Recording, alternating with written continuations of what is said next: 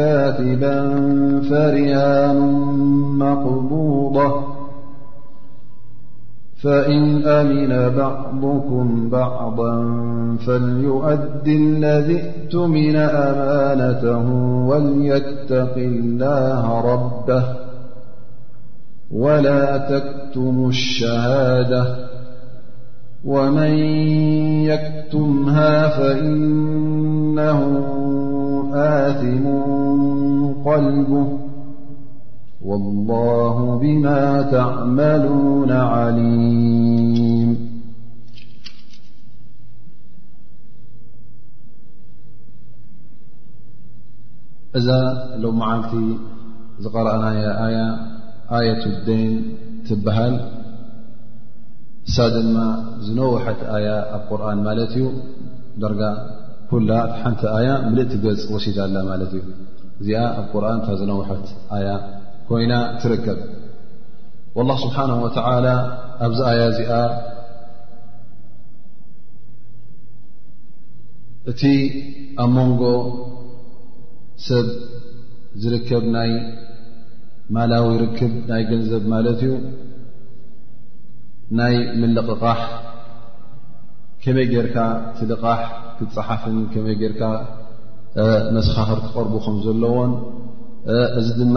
ጠቓሚ ከም ምዃኑ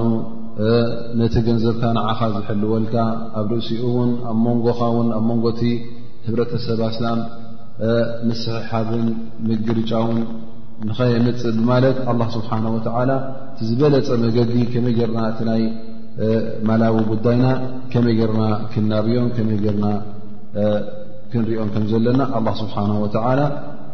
በዛ ኣያ እዚኣ ተንቲኑልና ማለት እዩ ላ ስብሓን ወተላ መጀመርያ ነቶም ሙእምኒን ፃውዒት የመሓላልፍ ማለት እዩ ያ ኣዩሃ ለذነ ኣመኑ ኣንቱም ዝኣመንኩም ኣንቱም ብኣላ ስብሓን ወተላ ዝኣመንኩም ኣንቱም ኣላ ስብሓን ወተላ ጎይታኹም ብምዃኑ ኣሚንኩም ነቲ ትእዛዛቱ እሺ ዝበልኩም ትእዛዘይ ስምዑ እዚ ትእዛዝ ድማ ብዛዕባ እንታይ እዩ ብዛዕባ ናይ ልቓሕ ጉዳይ ክትለቓቓሕ ከለኻ ከመይ ጌርካ ክትለቓቓሕን ከመይ ጌርካ እውን ክፅሓፍን ከም ዘለዎ ኣብዚ ክበርሃልካ ማለት እዩ ላ ስብሓን ወላ የል ኢዛ ተዳየንቱም ብደይንን ኢላ ኣጀል ሙሰመን ፈክትቡ እንተ ደኣ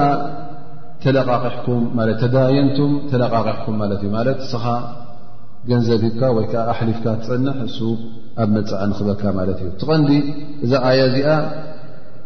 ኣብ ግዜ ነቢና ሙሓመድ ለ ላ ለ ወሰለም ብዝያዳ ሰብ እቶም ኣስሓብ ነቢ ለ ላ ለ ወሰለም ዝጥቀምሉ ዝነበሩ ኣብዚ ጉዳይ እዚ ኣሰለም ወይ ሰለፍ ዝበሃል ነይሩ እሱ ድማ እቶም ሰባታክልቲ እቶም ሓረስቶት ተምተምሪ ዘለዎም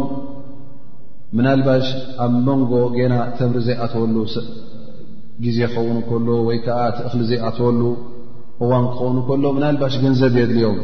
ሕጂ ገንዘብ ከድልዮም ከሎ ካበይ ከምፅኦም ገንዘብ ክልቁሑ ኣለዎም ማለት እዩ ኣብ ግዜ ነቢና ሓመድ ለ ላ ለ ሰለም እውን እንታይ ይገብሩ ነይሮም ቅድሚ ነቢና ሓመድ ስ ሰለም እውን ዝነበረ እዩ ነቲ ነጋዳይ መፅኦም ንሕና ኣብ ዝመፅ ዘሎ ቀውዒ ምስ ኣእተና ሽዑ ክንዚ ዝኣክል ክምዚ ክንሸጠልካ ኢና እሞ ሕጂ ብክንደይ ትገዝኦ ገና ከየእተዉ ከለዉ ማለት እዩ ሕጂ እንታይ ብ ዝገብሩ ዘለዉ ነቲ ዘለዎም ንብረት እኽሊ ምስ ኣእተውዎ ወይ ከዓ ተምሪ ኹን ካልእ ዓይነት ፍርያት ምስ ኣእተውዎ ሽዑ ንኸፍልዎ ማለት እዩ ሽዑ ይሸጥዎ ማለት እዩ ሕጂ ከም ልቓሕ ክኸውን ማለት እዩ ዝባኖም እዚ ሰለፍ ይበሃል ነቢ ስ ሰለም ል መን ኣስለፈ ፈልዩስልፍ ፊ ከይሊን ማዕሉም ወወዝኒን ማዕሉም ኢላ ኣጀሊን ማዕሉም ኢሉ ነቢና ሙሓመድ ለ ላ ወሰለም ነቲ ዝነበረ ሰለፍ ነቲ ዝነበረ ምለቕቓሕ በዚ ዓይነት እዙ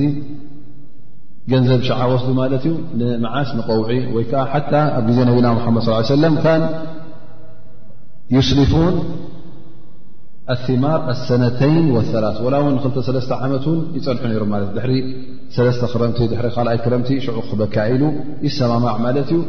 ኣብዚ ሕጂ እንታይ እዩ ዝርከብ ምናልባሽ እቲ ከገዝ ክሸጦ ከሎ ሕጂ ብሕሱር ዋጋ ክሸይጥ ማለት እዩ ምክንያቱ ሕጂ ብ ኢዱ ስለ ዘየሎ ገንዘብ ስለ ዘድለዮ ምናልባሽ እቲ ነጋዳይ እውን መክሰብ ይረክብ ማለት እዩ መክሰቡ እንታይ እዩ እንተ ሽዑኡ ብመይቲ ቅርሺ ክየጥ ኮይኑ ንሓደ ኩንታል ወይ ከዓ ንሓደ ስፍሪ ሕጂ ምናልባሽ ብተስዓ ብሰማንያ ክገዝኦ ክእል ማለት እዩ ምክንያቱ ኣቀዲሙ ስለ ዝከፍል ዘሎ እቲ ድሕሪ ዓመት ክምፃሉ ስለ ዝኮነ ከምዚ ነይሩ ማለት እዩ እዚ ጉዳያት እዚ ስለ ዝነበረ ከምኡ ውን ካልእ ዓይነት ን ምንቕቓሕ ስለ ዝነበረ ኣላ ስብሓን ወተዓላ ሓበሬታ የመሓላልፍ ኣሎ ማለት እዩ ዝኾነ ይኹን ዓይነት ልቓሕ እንተ ኣሎ ኮይኑ እዚ ልቓሕ እዚ ክፀሓፍ ከም ዘለዎ ይትቐንዲ ጉዳይ ላ ስብሓን ወተላ ኣብዚ ኣያ እዚኣ ኢዛ ተዳየንቱም ብደይን ኢላ ኣጀል ሙሰና ኩሉ ግዜ እሱ ድማ ንውሱን ኣጀል ኣጀል ማለት ከዓ ፈፅሚ ወይ ከዓ ቆፀራ ትገብረሉ ማለት እዩ ንከምዚ ዕለት ኢልካ ሰለም ዝበሃል ውን ክግበር እንከሎ ናይ ግድን ግዜ ክወሰዶ ኣነ ንዓመታ ኣብ ከም ዝኣመሰለ ወርሒ ክበካዮ ወይ ከዓ ድሕሪ ክልተ ዓመት ኢሉ እዚ ይፅሓፍ ነይሩ ማለት እዩ ናይ ግድን ሕጂ ንውሱን እዋን ክኽፈል ከም ዘለዎ ክፍለጥ ኣለዎ ማለት እዩ ወይ ክሕንፀፅ ኣለዎ ክፅሓፍ ኣለዎ ፈክትቡ እዚ ትእዛዝ እዩ ፈክትቡ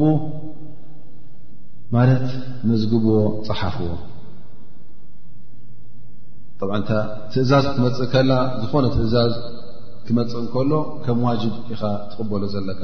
ኣላ ስብሓን ወተላ ይኹን ነቢና ሓመድ ስለ ላ ሰለም እንተ ኣዚዞም መጀመርያ ከም ዋጅብ ክትቕበሉ ኣለካ ኢላ እንተ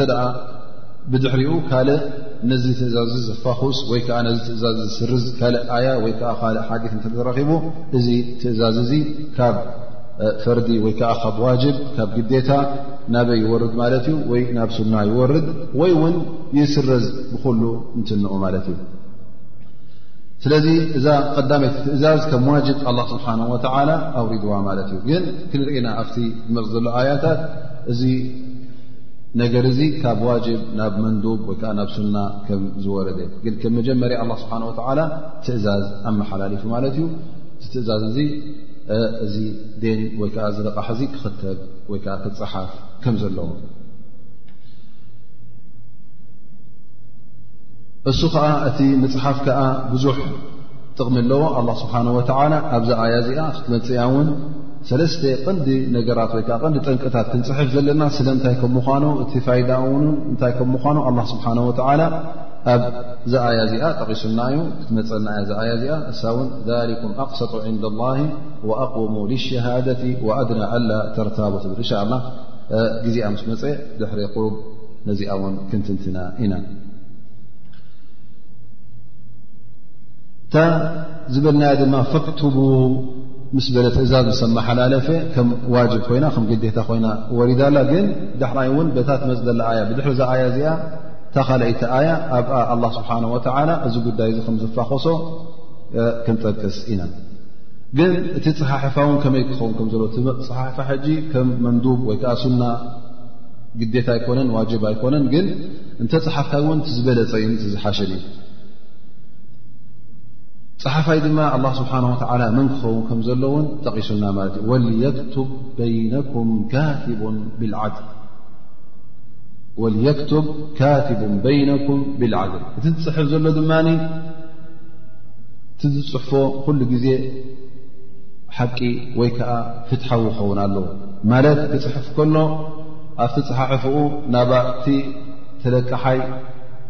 ወይ ከዓ ናብቲ ኣለቃሓይ ክዝንብል የብሉን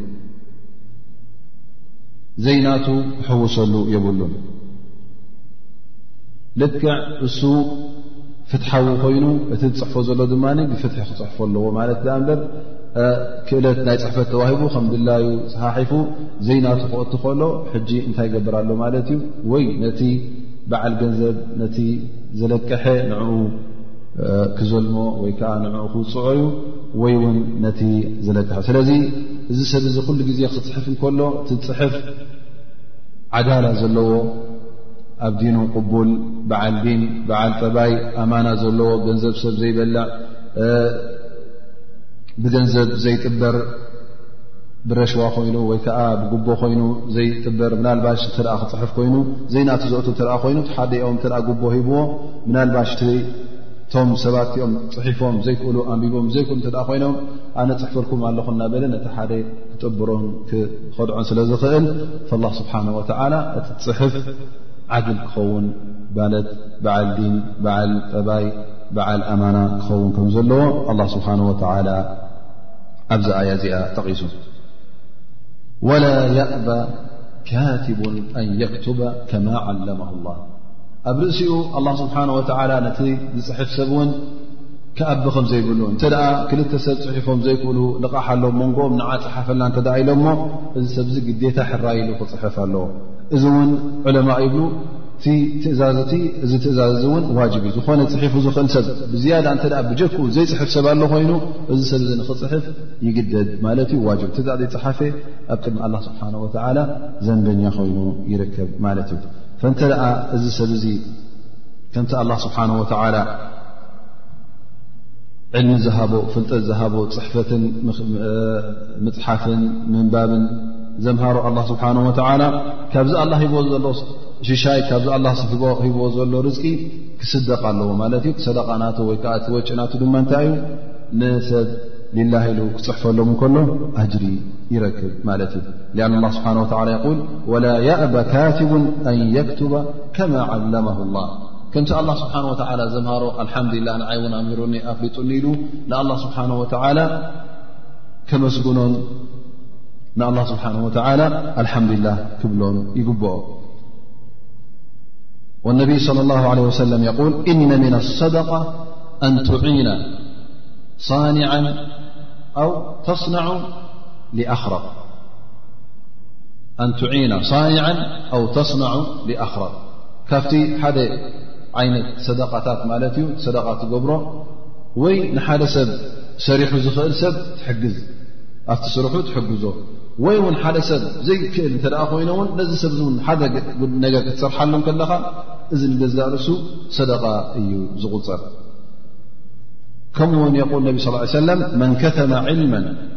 የዕለሙሁ ኡልጅመ የውመ ልቅያማ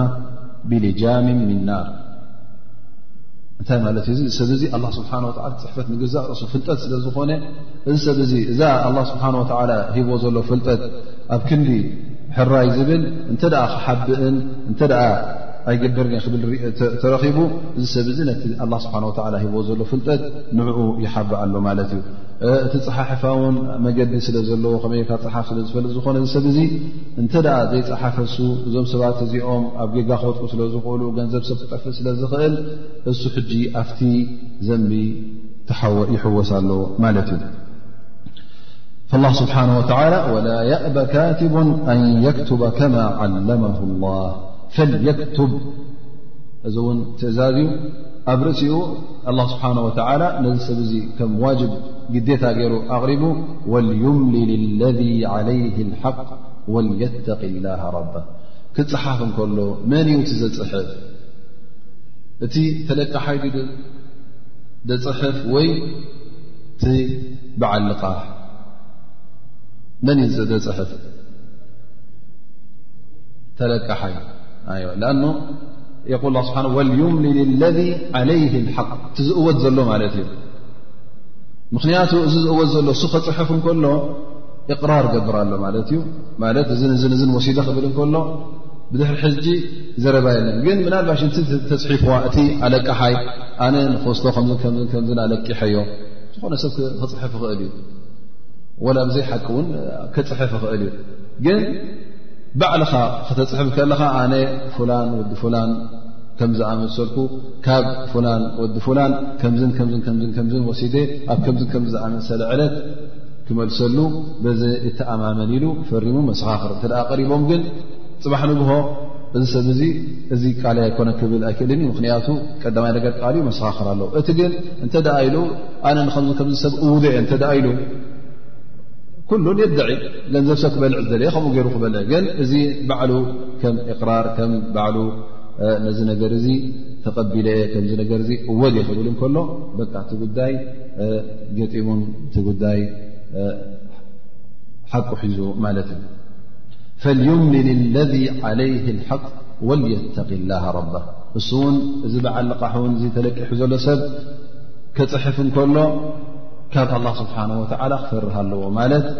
ገለ ክውስኽን ገለ ከጉድልን የብሉን ንኣላ ስብሓን ወተዓላ ፈሪሁ እታ ዝእወዳ ብሓቂ ክንደይ ከም ምዃና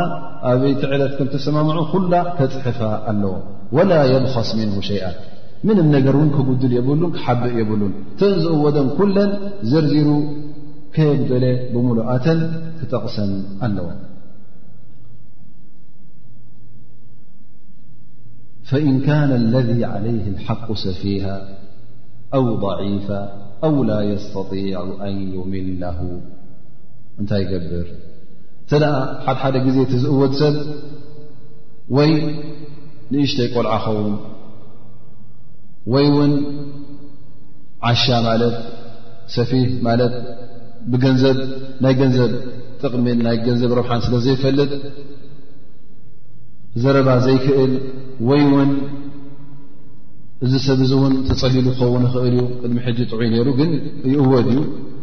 ገንዘብ ይእወድ ስለ ዝነበረ ግን ሕጂ ተፀሊሉ ኣሎ እሱ እውን ገንዘብ ኣለዎ ክኸውን ይኽእል እዩ ንኣብነት ካብ ኣቦኡ ዝወረሶ ገንዘብ ክህሎ ክእል እዩ ቅድሚ ሕጂ ዝእወድ ነይሩ ወይ ከዓ ኣቦኡ ይእወድ ነይሩ ይኸውን ስለዚ ወይ ንእሽተ ይኸውን ወይ ከዓ ዓብ ሰብኣይ ኣብ ዕቤት ምስ በፅሐ እቲ ሓሳባቱን እቲ ዘራረቡኡን እቲ ሓንጎሉን እውን ከምቲ ናይ ናእሽቱ ኣይኮነን ንሱ እውን ጌጋ ዘለዎ ይርስዕ ቀልጢፉ ፅቡቕ ገይሩ ክፅሕፍ ዘይክእል እተ ኮይኑ እዞም ሰባት እዚኦም ከማ ቃል ላ ስብሓን ወተላ ፈእን ካነ ለذ ዓለይ ሓቅ እቲ ዝእወድ ሰብ ወይ ሰፊህ ማለት እዚ ማሕጁር ክኸውን ከሎ ማለት ሓደ ሰብ ሙበዝር ኮይኑ ከይከዓ ሓሻሽ ኮይኑ ብገንዘብ ዘይግደስ ነዚ ገንዘብ ዘጠፋፍ እተ ኮይኑ ስድራ ቤቱ ብመንግስቲ ኮይኑ ባዕሎም ገንዘብ ንኸይወስድ ካብ ገንዘብ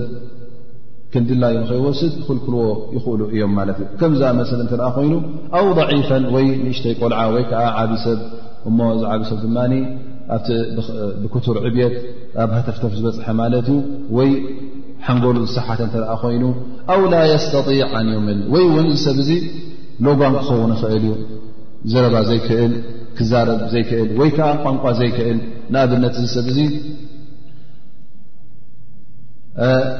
እንተ ከፅሕፍ ኮይኑ እሱ ዝኽእሎ ቋንቋ ትግርኛ እሞ ከዓ እተ ኣብ ዓዲ ዓረብ ኣሎ ኮይኑ ወይ ከዓ ኣብ ካልእ ዓዲ እተ ኣሎ ኮይኑ እሞ ባዕሉ በቲ ትግርኛ ክገፅሕፍ ኮይኑ ኣብቲ ዓዲ ቅብልቲ ክትከውን እያ እታ ወረቐት እንታይ ክገብር ኣለዎ ናይ ግድን ዝኽእል ሰብ ኣምፅኡ ብኦም ገይሩ ከተርጉም ኣለዎ ማለት ስለዚ ወይ ናይ ቋንቋ ሽግር እተ ኣለዎ ኮይኑ ወይ ከዓ ሎጓም እተ ኮይኑ ከም ዝኣመሰለ እተ ኮይኑ ኣላ ስብሓን ወተላ እንታይ ኢሉ እቲ ጉዳይ ናብ መን ኣመሓላሊፍዎ ናብ ወልይ ፈልዩምልል ወልይ ብልዓድል ወልይ ማለት ከዓ እቲ ሓላፍነት ተሸኪሙ ዘሎ ማለት እዩ ናይዚ ንእሽተ ቆልዓ ወይዓ ናይቲ ሓንጎሉ ዝሰሓተ ሰብ ወይዓ ናይቲ ኣረጊት ሰብ ወይዓ ኣይታም እንተ ኮይኖም ክሳዕ ዝዓብዩ ዘመሓድሮም ማለት እዩ እሱ እዚ ሰብ እዚ ኣብ ክንደኦም ፈልዩምሊል ዝእወድዎ ነገር እተ ኣለዉ ኮይኑ ካብ ሰብ ዝተለቅሕዎ ነገር እተ ኣሎ ኮይኑ እዚ ሰብ እዚ እዚ ወልየናቶም እዚ ሓላፊ ኮይኑ ዘሎ እሱ የፅሕፍ ማለት እዩ እሱ እውን ከፅሕፍ እንከሎ ልክዕ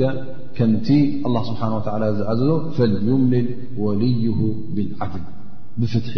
ብሓቂ ካብ ሓቂ ክወፅእ የብሉን ልክዕ ከምቲ ሱ ተቐዳማይ ዝበልናዮ ፈልዩምሊ ለذ ዓለይ ሓቅ ወልየተቂ ላ ረባ ዝተባህለ እዚ እውን ልክዕ እዚ ጉዳይ እዙ ክፅሕፍ እንከሎ ካብ ኣላ ስብሓን ወተዓላ ፈሪሁ ነቲ ሓቂ ክፅሕፍ ኣሎ ነት ክውስኽን ከጉድልን ኣይፍቀዶን እዩ ኣብ ርእሲ እዚ ምፅሓፍ እውን ኣላ ስብሓን ወተዓላ መሰኻኽር እንክንገብር ይእዝዝ ማለት እዩ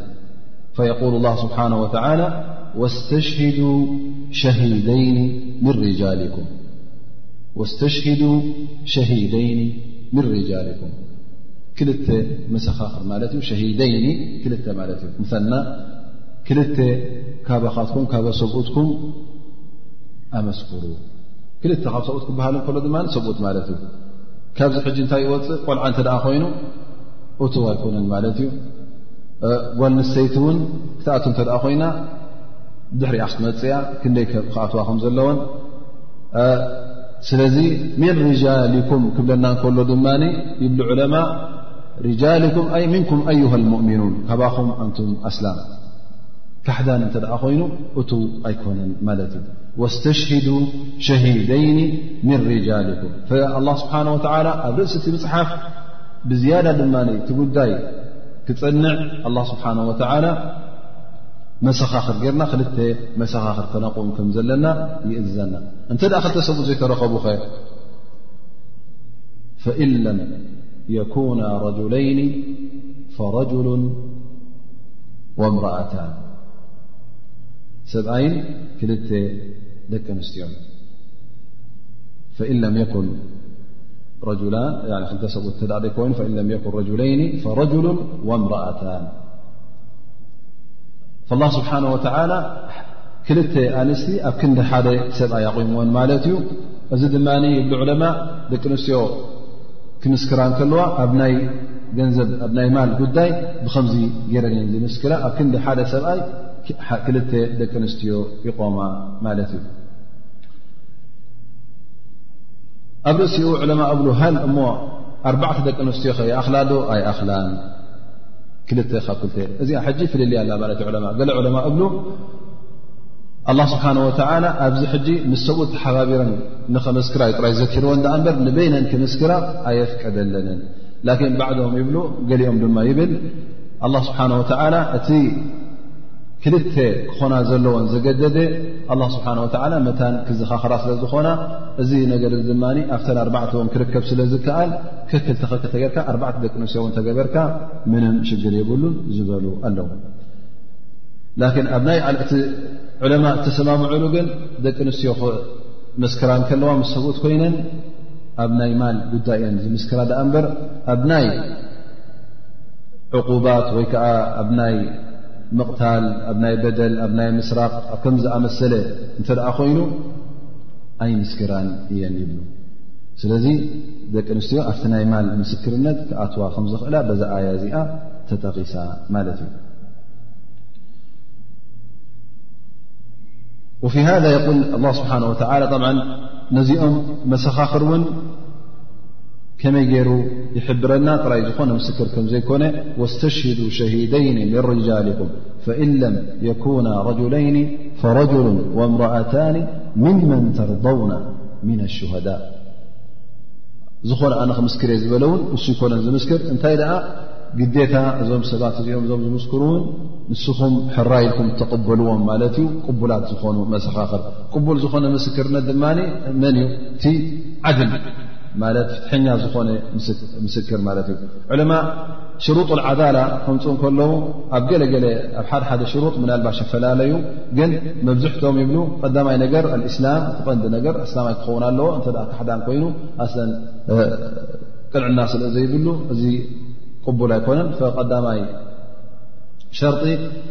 ኣስላማይ ክኸውን ድሕሪኡ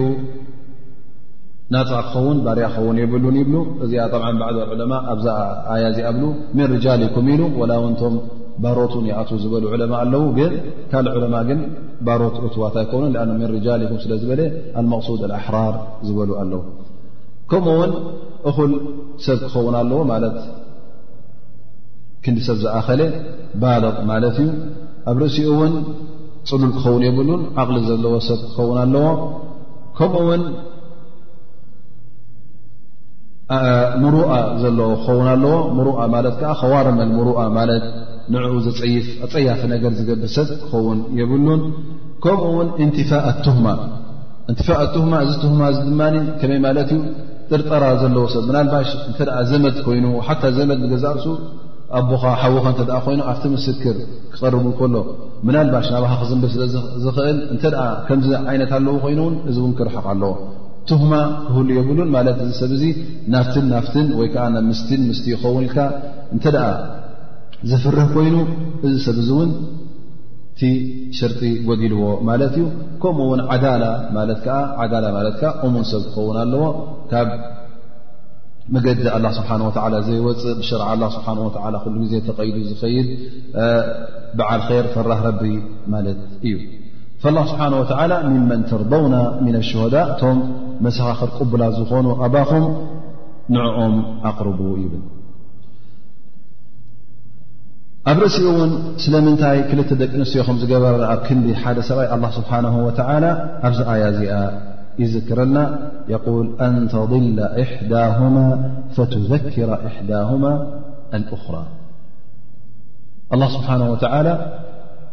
ክልተ ደቂ ኣንስትዮ ገይሩ እዘን ደቂ ኣንስትዮ ምእንቲ ነንሕደን ከዘኻኸራ ገለ እንተ ረሲዓ ተሓንቲ ተሓንቲ ተዘክራ ማለት እዩ እዚ ሕጂ ነታ ጓል ንሰይቲ ብዝያዳ ሓገዝ ንክኾና ኣላ ስብሓን ወተዓላ ኣብ ክንዲ ክልተ ኣብ ክንዲ ሓደ ወተባዕታይ ክልተ ደቂ ኣንስትዮ ገይሩ ማለት እዩ እዚ ድማ እንታይ ዘርእየና ኣላ ስብሓን ወተዓላ ወተባዕታይ ካብ ጓል ንሰይቲ ዝያዳ ከፅንዕ ከም ዝኽእል ዋንሰይቲ ቲ መፅናዕቲ ናታ ምላእ ትፅንዕ እያ ግን ሓደሓደ መብዝሕ እዚ ሕጂ ሕኩም ዓም ሓፈሻዊ ፍርዲ ማለት እዩ ኣ እምበር ሓፈሻዊ ውሳነ ምናልባሽ ሓደ ክልተ ካብ ሰብኣይ ዝያዳ ዘፅንዓ ኣይሰእናን እየን ግን ሓፈሻዊ ፍርዲ ክንህብ ከለና መብዝሕቶም ደቂ ተባዕትዮ ሰብኡት ካብ ደቂ ኣንስትዮ ካብ ኩለን ብሓፈሽኡ እቶም ሰብኡት ዝያዳ ከም ዘፅንዑ የብርሃልና ማለት እዩ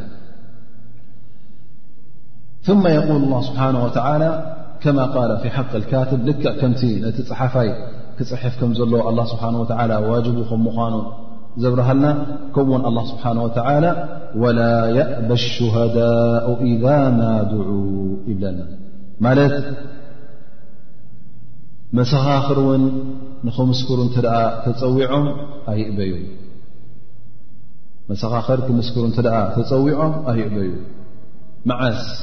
ዝፃውዒት እዚ ንመዓስ እዩ ንዑ መስክሩ ክበሃል ከሎ ቲ መጀመርያ ድዩ ተሓሙል ኣሸሃዳ ማለት ገና እቲ ጉዳይ ከይተረኸበ ከሎ ክፅሓፍ ከሎ ሽዑ ንክምስክሩ ድዩ ግዴታ ወይ ዳሕራይ ኣብቲ ምስሕሓብ ምስ ተረኸበ ኣየና እዩ ነታ ሸሃዳ ክስከምዋ ከሎ ወይ ከዓ ነታ ሸሃዳ ኣዳእ ክገብሩ ከሎ ወይ ክገልፁ ከለዉ ኣብ መሳሓ ኮይ ማዓት መጀመርያ ላ እቲ መጀመርያ ክፅሓፍ ከሎ ማለት እዩ ን ኣብቲ መጀመርያ ክፅሓፍ ከሎ ፅቡቕ ዓላ ኩል ሓል ጠብ ዑለማ በርዱ ኣብ ሰለስተ ተመቒሎም ማለት እዩ ባዕድም ቃል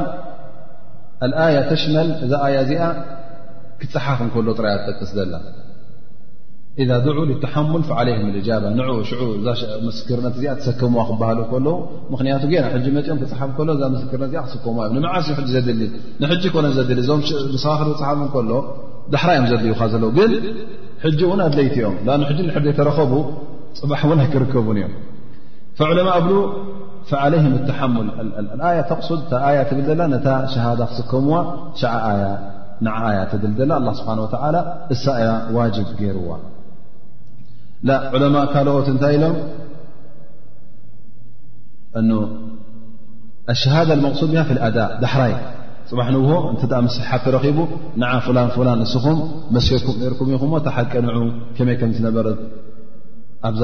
ምስሕሓብ ስለ ዝበፃሕና ኣብዛ ቤት ፍርዲ መፅእኩም መስክሩና ክበሃል እንከሎ ንሽዑ እያ ወላ የእበ ሽሃዳ ኢዛ ማድዑ ሽዑ እንተ ተፀዊዖም ንክምስክሩ ምክንያቱ ሽዑ የ መሰኻኽር ዝስመዩ ብቐንዲ ዳኣ እምበር እቲ መጀመርያስ መሰኻኽር ኣይነበሩን ገና ሽዑ ሓንቲ ይረኣዩ ነይሮም ገና ሽዑኡ እቲ መጀመርያ ክሕመሉ እንከለዉ መሰኻኽር ኣይነበሩን ሽዑ ግን ሕጂ ግን መሰኻኽር ኮይኖም ይብሉ ዕለማ ካልኦት ዕለማ ግን ኢሎም እዛ ኣያ እዚኣ ንክልትአን ተጠቓልል እያ እቲ መጀመርያን ኣብቲ መጨረሻ ክልትኤን ፊተሓሙል ወልኣዳ ነታ ሸሃዳ መጀመርያ ክትስከማ ከለኻን ዳሕራይ ድማ ኣብ ቤት ፍርዲ መፅኻ ምስሓብ ተ በፂሑ ሽዑኡ ክትገልፅ ከለኻን ተዕሙ ሓለይን ይብሉ ሃ ሩያ ዓባስ ወሓሰን በስሪ ኣላ ስብሓን ወተላ እዛ ጉዳይ እዚኣ ወላ የእበ ሸሃዳ ዝበሉ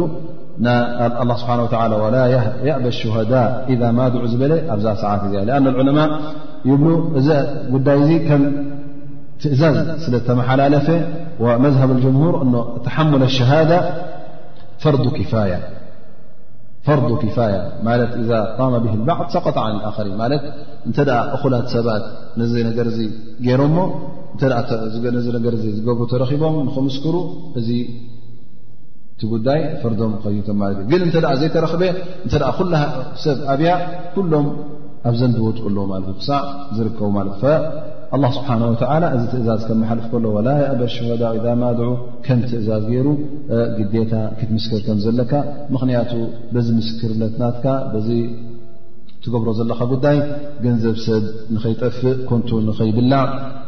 ሰብ ነንሕዱ ንኸይናቆትን ንኸይቃተልን ኣብ መንጎ ሰብ እውን ባእስን ሽግርን ንኸይርከብ ዓብዪ ግዜ ስለ ዘለካ እስኻ ውን ዓብ ሰበብ ስለ ዝኾንካ ኣብዚ ጉዳይ እዚ ኣላ ስብሓን ወተላ ክትምስክር ከለኻ ተሓቂ ክትገልፅ ከለኻ ሕጂ ነቲ ኮንቱ ገንዘብ ሰብ ክበላ ሓሓሲቡ ዝነበረ ንኡ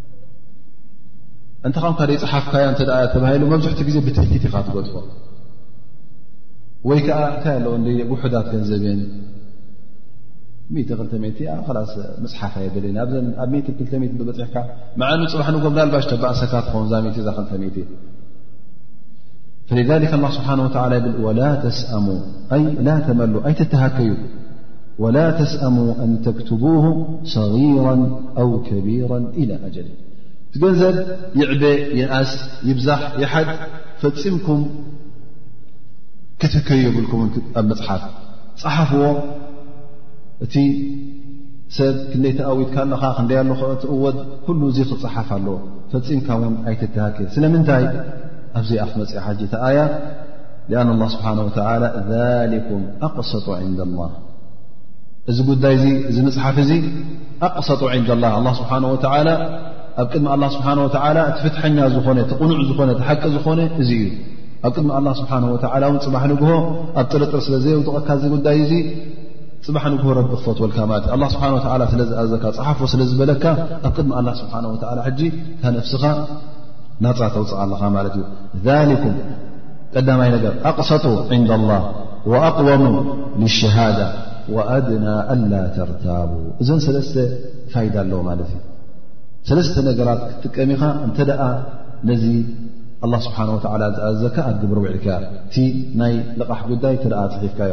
ኣቅሰጡ ዕንዳ ላ እቲ ትእዛዝ ኣላ ስብሓን ወተዓላ ኣቒምካ ኣብ ቅድሚ ኣላ ስብሓን ወተዓላ ሓቀኛ ከንካ ትርከብ ኣለኻ ማለት እዩ ወኣቕወሙ ልሸሃዳ እቲ ምስክርን ድማ ክምስክር እንከሎ ሕጂ ንዕኡ ብዝያዳ የፅንዕ ማለት እዩ ተፃሒፉ ክፀንሕ እንከሎ ኣብ ርእሲኡ ምስክር ክርከብ እንከሎ ነታ ምስክርነት እቲኣ ብዝያዳ የፅንዓ ማለት እዩ ወኣድና ኣላ ተርታቡ ተፃሒፉ ክፀንሐ ከሉ ድማ ካብ ጥርጥር ትድሕን ማለት እዩ 2ተ00 ድ ነረን 2 ድ ነረን ወላ 2ዓሰተ ወላ 2ተ00 ድ ነረን ሕጂ ሓርሓር ግ ትቁፅሪ ይደናገረካ እዩ ግን ተፃሒፋ ታፅሕፍቲ ምሰንበድካያ ሽዑ ካብ ጥርጥር ትድሕን ማለት እዩ ካብታ ጥርጥር ውን ንክትድሕኑ ወኣድና ኣላ ተርታቡ ጥርጥር ኣይርከብን እዩ ሸክውን ኣይርከብን እዩ ከም ምስሕሓብን ትድሕን ማለት እዩ ሕጂ ዘን ሰለስተ ፋኢዳ ኣለዋኻ ስለዚ ፀሓፍ ኣይትተሃከ ወላ ተስኣሙ ኣንተክትቡ ሰጊራ ኣ ይዕብ ይንኣሽ ብዙሕ እዩ ውሑድ እዩ ኣይትበል ኩሉ ፀሓፎ ስቕኢልካ ኣይትሕለፎ واستثنى الله سبحانه وتعالى بعد ذلك من عدم الكتابة ني حفون الله سبحانه وتعالى شلل كنبل زفقدلناه أبت ب ل آيا يتكس يقول الله سبحانه وتعالى إلا أن تكون تجارة حاضرة تديرونها بينكم فليس عليكم جناح ألا تكتبوها لت نتأ ت مشط ገንዘብ ኣቕሓን ምውሃብ ኢድ ብኢድ እንተ ደኣ ኮይኑ ምፅሓፍ ኣይድልየኩምን እዩ ምኽንያቱ እቲ ምፅሓፍ እንታይ እዩ እንተ እስኻ ሕጂ ሎ መዓልቲ ገንዘብ ኢልካ ድሕሪ ዓመት ድሕሪ ሽዱሽተ ወርሒ እቲ ኣቕሓ ክትቅበል እተ ኮይንካ ወይ ከዓ ለብዘበን ነቲ ኣቕሓ ሂብካ ገንዘብካ ድሕሪ ወርሒ ድሪ ክልተ ወርሒ ድሪ ሰለስተ ወርሒ ወይከዓ ድሕሪ ዓመት ትቅበል እተ ኮይንካ ኣብዚ ሰዓት እዚ እዩ ዘድልየካ ግን እንተ ሸዓ ንሸዓን ትቀባበሉ ኮይንኩም እቲ ናይ ንግዲ ጉዳይ ሸዓ ኢድ ብኢድ ውሃብ እተ ኣለካ ኮይንካስ እቲ ዘፍርህ ነገር ንኸይጠላለም ዩ ነይሩ እሞ እንተ ኢድ ንኢድ ተዋሂብካ እውን ምጥእላም የለን ማለት እዩ ስለዚ ኣላ ስብሓን ወተላ ኣብዚ ጉዳይ እዙ ምንም ኣበር የብልኩምን ምንም ሽግር የብልኩምን ሽዑ ክትፅሕፎን ከይፅሕፎን ኣየይ የገድስን ኢሉ ኣላ ስብሓን ወተላ እንተ እቲ ናይ ንግዲ ወይ ከዓ እቲ መሸጣ ኢድ ብኢድ ኮይኑ ማለት እዩ ማ የቁል ስብሓን ወተላ እቲ ምስክርነት እውን ኣብ መሸጣ ውን ከም ዘድሊ ወኣሽሂዱ ኢዛ ተባያዕቱም እንተ ደኣ ሸጥካ ውን ለዊጥካ ኣመስክር ኢኻ እዚ እውን መጀመርያ ይብሉ ዑለማ ዋጅብ እዩ ነይሩ እሽሃድ ዝኾነ ይኹን ክትገዝእ ወይ ክትሸይጥ ከለኻ ከተመስክር እዚ ኣላ ስብሓን ወተዓላ መጀመርያ ዋጅብ እዩ ገይርዎ ነይሩ ላኪን በታ ትመፅ ዘላ ኣያ እታ ትመፀና ኣያ እንሻ ላ ፈኢን ኣሚነ ባዕኩም ባዕض ፈልዩኣዲ ለذ እቱሚና ኣማናት ትብል እታ ካልይቲ ኣያ ማለት እዩ ክትመፀና ዩ ሕጂ እሳ ብኣ እቲ ጉዳይ ተሰሪዙ ኣብ ምንታይ ወሪዱ ማለት እዩ ኣብ ሱና ወይ ከዓ መንዱብ ኮይኑ ወይ ከዓ ኣብ ዘጠራጥር እተ ኮይኑ ንኣብነት ሕጂ ኣሎ ሓደሓደ ጉዳይ ክትገዝእን ክትሸይጥን ከለኻ ምንም ሽግር የብልካን ሽግር ን ኣየጓንፍን እዩ ብኢድ ንኢድ ተዋሂብካ ተመሓላልፍ ማለት እዩ ግን ገለ ነገራት ዓብዪ ነገር እተ ኮይኑ ወይከዓ ክፅሓፍ ዝግባእ ናይ ገዛ ናይ መሬት ናይ ማኪና ናይ ከም ዝኣመሰል እተ ኮይኑ እንተ ፀሓፍካ ድማ ዝበለፀን ዝሓሸን ይኸውን እቲ መፅሓፍ እውን ኣብ መሸጣን ወይ ከዓቲ ምስክር ምግባር ማለት እዩ ኣብ መሸጣ ምስክር ንክትገብር እውን እነቢይ ስለ ላሁ ለ ወሰለም እዚ ጉዳይ እዚ እውን ኣጓኒፎም ነይሩ መንዱብ ከም ምኳኑ እውን ብሓንቲ ናይ ነቢና ሙሓመድ ለ ላ ለ ወሰለም ዛንታ ንጠቅስ እሳ ድማ እነቢ ስለ ላ ለ ሰለም ሓደ ግዜ ሓደ ኣዕራቢ ማለት ካብቲ ሳሕራ ካብ በዱ መፅኡ ማለት እዩ ፈረስ ሒዙ መፅኡ ንመዲና ማለት እዩ ኣብ መዲና ክሸጣ ከሎ ነቢ ስ ላ ሰለም ይረኽብዎ ማለት እዩ እነቢ ስ ሰለም ነዛ ፈረስ እዚኣ ብክንድዝን ክንዝን ተባሂሎም ተሰማሚዖም ማለት እዩ ላስ ሸይጠያ ናባካ ኢሉ እቲ ኣዕራቢ ነቢና ሓመድ ስ ሰለም ሕራ ይብል ማለት እዩ እነቢ ስ ሰለ ኣብ መንገዲ ስለ ዝነበሩ ገንዘብ ምስኦም ኣይነበረን እሞ ንዓ ደድሕረይ መፃእ ሞ ገንዘብ ክበካ ክንገዛ ኢሎሞ ማለት እዩ ሕጂ ደድሕሪ ነቢና ሓመድ ስ ሰለም ክኸይዱ ከሎ ነቢና ስ ሰለም ቅሩብ ህውኽ ኢሎም ንቅድሚት ከይዶም ማለት እ ደንጉዩ ማለት እዩ ኣብ መንገዲ ድማ ገለ ሰባት ኣጓኒፎሞ እታ ሰብኣይ ትሸጣ ዲኻ እዛ ፈረስ ትሸጣ ዲኻ ብክንደይ ኣብ ገል እዳበሉ ሕጂ ክዛረቡ ከሎ ምስኦም ደንጉ ይቁሩብ ሶም ድማ እሞ ብክምዛ ደይ ትበና ክምዝኣነማሃኩካ ነረ ገልምታት እዳበሉ ሕጂ ኣይፈለጡን ነቢና ሓመድ ስ ሰለም ከም ዝገዛኣ ማለት እዩ ካብቲ ነቢና ሓመድ ስ ላ ሰለም ዝበሎ ዋጋ ካብኡ ዝያዳ ክንከፍለካ ኢሎሞ ማለት እዩ ሶም ኣይፈለጡን ግን ካብኡ ዝያዳ ሰሚኦም ማለት እዩ እዚ ሰብኣይ እዚ ተረኣየ ካብ ጉዳይ መክሰብ ኣለዋ ኢሉ ማለት እዩ ነቢና መሓመድ ስ ሰለም ፀዊዕዎም ትገዝእ ተኮይንታ ንዓግዛ ወይ ውን ክሸይጢ ኣነ ይብሎ ማለት እዩ እሞ ኣንኣ ገዚኣ ን ካባላ ምሽ ተሰማሚዕና ይብሎ ማለት እዩ ላላ ኣነ ሸጥኩልካ ኢልዎ ሸጥካ ተሰማሚዕና ገንዘብ ከምፅ ከይደ ላላ ኣነ ሸጥኩ ኣይተሰማማዕና ትገዝእ ተኮይንካ ንዓግዛ ሕጂ ከምዚ በፂሓላ ንዓግዛ ይብሎ ማለት እዩ ከምዚ ኢሎም ክሰሓሓቡ ጅምሩ እቶም ኣስሓብ ነቢ ስ ሰለም ይመፁ ይግረቡ ማለት እዩ እነቢ ስ ሰለም ኣይሕሱን እታ ሰብኣ ይብልዎ ሓሶትን ተዛሪቡ ከመይ ጌርካ ሸጥካለይ እናበለካ ሸጥካለይ ትብሎ ምስሓብ ጀሚሩ ዝዛረቡ ክልትኦም እሞ ምስክር ዘለካ ምስክር ኣንፅ ይብል ማለት እዩ ኣዕራቢ ነቢ ስ ሰለም ምስክር ኣይነበሩ እቶም ኣስሓብ ነቢ ስ ሰለም ን ኣይነበሩን ስቕ ብሉ ማለት እዩ ግን ከመይ ገርዎም እነቢ ስ ሰለም ሓቂ ይዛረብ ኢሎም ስቕ ብሉ ማለት እዩ ና ኣይነበርናዮ ከመይ ገርና ክንመስከር ኹዘይማ ረ ላ ን መፅእ ማለት እዩ ክዛረቡ ሰሚዖ ምስክር ዘለካ ገለ ክብል ምስ ሰምዖ ኣነ ምስክር ኢሉ ማለት እዩ ኹዘይማ ኣነ ኣለኹ ምስክር ከም ዝሸጥካሉ ኣነ ይምስክር ሸጥካሉ ኢኻ ይብሎ ማለት እዩ እነቢ ስለ ላ ሰለም ንኹዘይማ ተበልቲ እንታይ ኢ ከመይ ጌርካ ትምስክር እስኻ ብመ ተሽሃድ ፈቃል ብተስዲቅካ ያ ረሱላ ላ ኣነ ንዓኻ ስለ ዝኣምነካ ትሕስውን ኢለ ኣይጥርጥርን እየ ስለዚ ትቓልካ ንዓይ ንገዛእ ርእሱ ከም ዘርኣኹ እዩ ዝሓስቦ ኣይኮነ ዶ ናይ ፈረስ ኣብ ካልእ ነገር እኳ ይኣምነካ ኣለኹ ማለት እዩ ስለዚ ኣነ ይምስክር ስኻ ከምዝገዛእካያ ኣነ ምስ ይሰር ኣለኹ ይብል ማለት እዩ ፈነቢይ صለ ላه ለ ወሰለም ብድሕሪ እዛ መዓልቲ እዚኣ ንኹዘይማ ኢሉ ኹዘይማ እተ መስኪሩ ድሕሪ ሕጂ ኣብ ክንዲ ክልተ ሰብኣይ እዩ ዝቁፅር ከም ሓደ ኣይቁፅር እዩ እተ ሓንቲ ጉዳይ ክልተ መሰኻኽር ዘድልይዋ ኮይኖ እሞ ኹዘይማ እተ መስኪሩላ እዚ ሰብ እዚ እኹል እዩ ይብልዎ ነቢና ሙሓመድ ለ ላه ለ ሰለም ፈዚ ሓሊስ እንታይ ዝርአየና ኣብ መሸጣ እውን ምስክር ክርከብ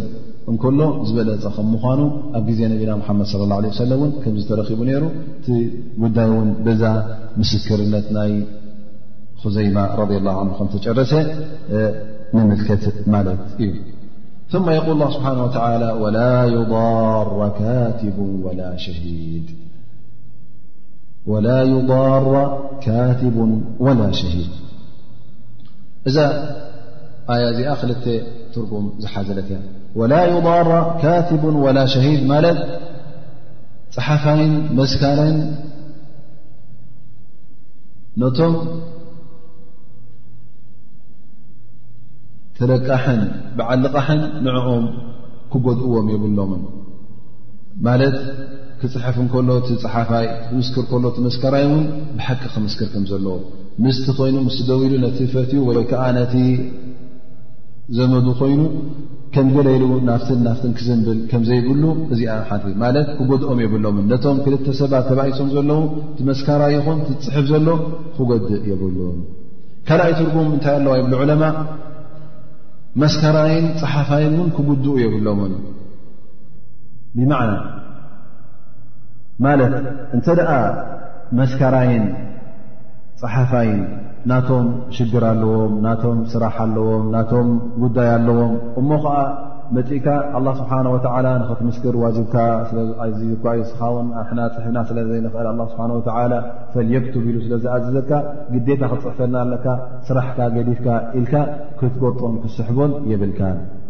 እዚ ማለት እዩ ስለዚ ብሰንኪ ምስክርነትን ብሰንኪ መፅሓፍን እቲ ፀሓፋይን እቲ መስካርን ክጉዳእ የብሉን ኣብ ስርሑ ይኹን ኣብ ግዜኡ ድቃስ ክትከልኦ የብልካን ወይ ከዓ ብሰንኪ ንክምስክር ኢልካ እውን ወሲትካ ማእሰርቲ ከተእትዎ የብልካን መስካሪ ኢልካ እንተ ደኣ መስካሪ ኮይኑ ዝሰብ እዙ ከም መስካሪ መጠን ክቐርብ ኣለዎ ግዜኡ ክሕለወሉ ኣለዎ ንኡ ዝጎድእ ነገር እውን ክግበር የብሉን ማለት እዩ ላ ስብሓን ወተላ ወላ ዩባራ ካቲቡን ወላ ሸይ ዝበለ ብክልተ ወገን ክጎድኡን ክጉድኡ ከምዘይብሎምን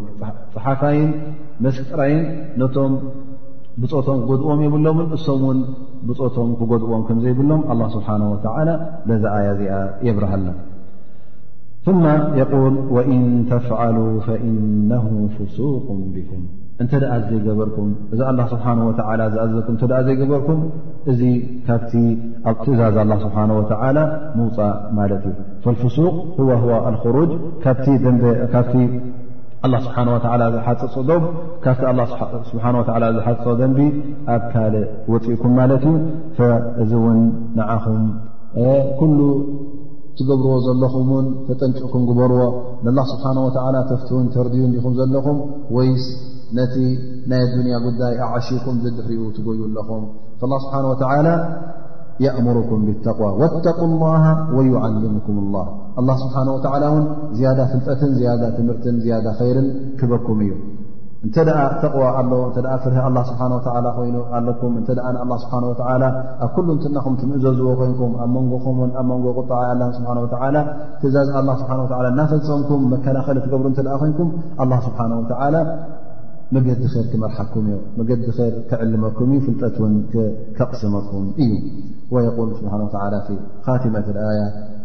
ወላሁ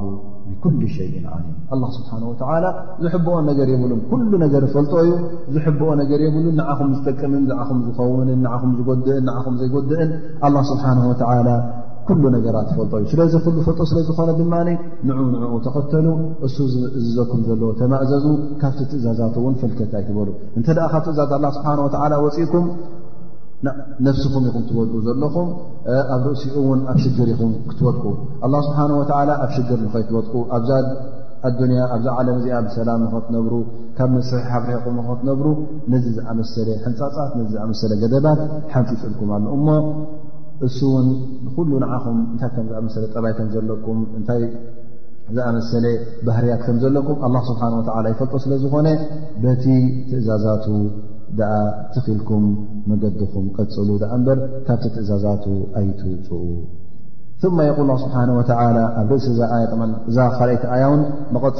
መቐፀልታ ናይዛ ዝሓለፈት ኣያ ናይ ኣየት ዴን ማለት እዩ እዚኣ ሙሉእ ገፅ ሒዛ ዘላ መጨረሻ ይብል ወእን ኩንቱም ዓላ ሰፈር ወለም ተጅዱ ካቲበ ፈሪሃን መቕቡض ምናልባሽ ኣብ መገሻ ከለኻ ሓድሓደ ግዜ ትሸይጥን ትለውጥን ኢኻ ንስኻ ገያሻይ እሱ ገያሻይ እሞ ሽዑ ኣብ መገሻ ድማ ምናልባሽ ፀሓፊ ትረክብ እንትኸውን ኣ ምድረ በዳ ኢኻ ዘለኻ በረኻ ኢኻ ዘለኻ ዝፅሕፈልካ ሰብ የለን ወይ ዝፅሕፍ ሰብ ፅሒፉ ዝኽእል ሰብ ተረኽበ ግን መፅሓፊ ይሰኣን ወረቐት ይሰኣን ምናዳ ኣብቲ ግዜኦም ዝነበርዎ ግዜ ነቢና ሓመድ ስ ለ ሰለም ዝነበርዎ ዝፅሕፍ ሰብ ውሑድ እዩ ነይሩ ዝፅሕፍ ሰብ ተተረኽበ እውን እቲ መፅሓፊ ድርዒ ይኹን እቲ ወረቐት ውን ብቀሊል ይርከብ ኣይነበረን ላ ስብሓን ወተላ ካልእ መፍትሒ ገይሩሎም ማለት እዩ ወእን ኩንቱም ዓላ ሰፈር ወለም ተጅዱ ካቲበን ፀሓፋ ይረከብኩምን ፈሪሃኑ መቕቡض ትሕጃ ኣትሕዙ ትሕጃ ተትሕዝ ማለት እዩ እስኻ ነሱ ተሰማሚዕኩም ከምዝከፍለካ እሞ እንታይ መትሓዘ ትሕጃ ትሕጃ ሃበኒ እታ ትኽእላ ወርቂ ይኹን ወይ ከዓ እንስሳ ይኹን ዝኾነ ይኹን ንብረት የትሕዝ ማለት እዩ ግዴታ ግን እዚ ትሕጃ እዚ ፈሪሃኑ መቕቡض ክኸውን ኣሎ ትሑዝ ክኸውን ኣሎ ክትሕዞ ኣለካ እተ ዘየትሓዝካዮ ትሕጃ ኣይቁፅርን ማለት እዩ ነቲ ውደካ ሰብ ክኸፍለካ የልካዮ ዘለኻ እሞ እንታይ ኣለኒ ኣነ መስረጂ እንታይ ኣለኒ ከመይ ገረ ክተኣማመን የድለካ እተ ኮይኑ እ እዛ ሰዓተይ ወይከዓ እዛ ኻተም እተ ኣ ኮይና ዋጋ ዘለዋ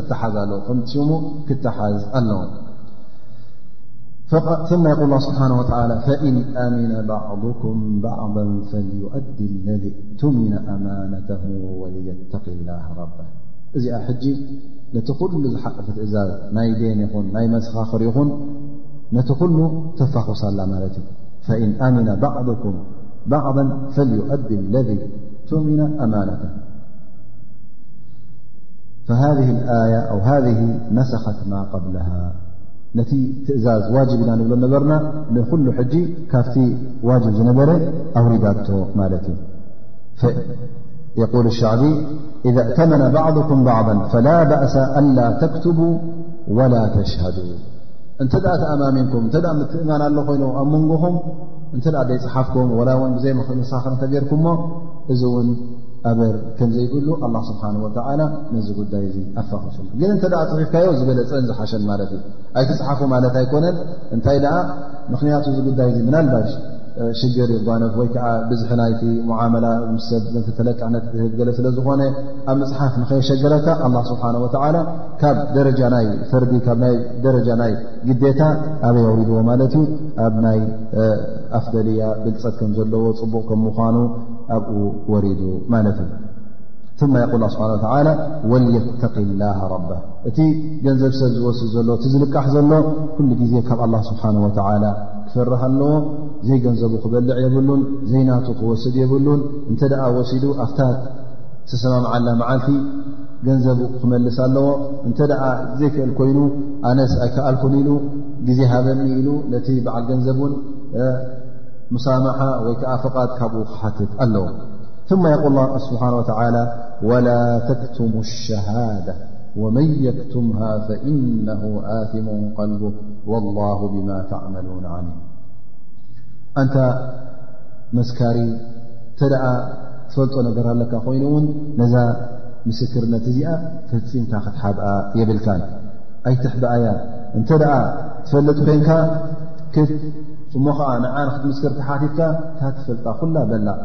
ክትሓብእ የብልካን እንተ ሓቢእካ ወይ ከዓ ዘይኮነ ኮይኑ ኢልካ እተ ብዘይከውን መስኪረካ ውን እዚ ካብቲ ዓቢ ዘንብ ነቢ ስ ሰለም ካብቲ ኣክበር ከባይር ካብቲ ዝዓበየ ዘንብታት ዝቆፀሮ ሓዲ ካብአን ምስ ሽርክን ምስ ትዕቁቁል ዋልዴን ኣላ ወሸሃደ ዙር ኣላ ወሸሃደ ዙር እናበለ እቲ ሸሃዳ ክትምስክር ከለኻ ዘይተገብረን ዘይተባህለን ዘይተነገረን ተገይሩን ተባሂሉን ክትገብር ከለኻ እዚ ዝዓበየ ዝኸፍአ ዘንቢ ይኸውን ማለት እዩ ذ ه ስብሓ ይል ወመን የክቱምሃ ነዛ ዝፈልጣ ርእዋን ሰሚዕዋን ከሎ እሞ ዝሓበአ ፈእነ ኣثሙ ቀልቡ እዚ ሰብ እዚ ልቡ ፀሊም ልቢ ማለት እዩ ልቡ ዘንበኛ ልቢ ጥራይ ቲዘንቢ ኣብ ግብሩ ይኮነ ዘሎ እንታይ ደኣ ሕማቕ ንያ ዘለዎ ሕማቕ ትኒ ዘለዎ ልቡ ጥዑይ ዘይኮነ ሰብ ከም ምኳኑ ፈእነ ፋጅሩ ቀልቡ